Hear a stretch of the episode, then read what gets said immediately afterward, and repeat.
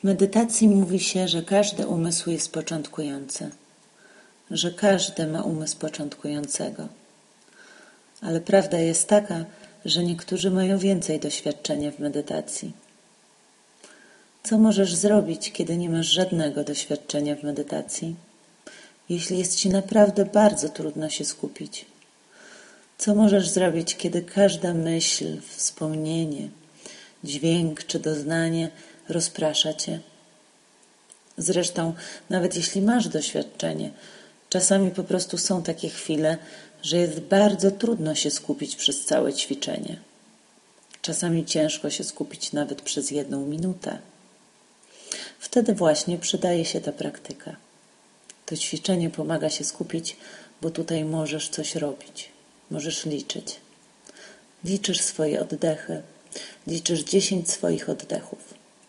Jeden wdychasz, dwa wydychasz, trzy wdychasz, cztery wydychasz. Zwykle gdzieś po drodze gubisz kolejność. Wtedy po prostu zacznij liczyć od początku. Od jeden. Niektórzy rozpędzają się, liczą powyżej dziesięciu, nagle się orientują, że są na przykład przy dwudziestu. Wtedy nie przejmuj się tym. Po prostu zacznij liczyć od początku. Od jeden. Są też takie osoby, które wolą liczyć jeden, dwa.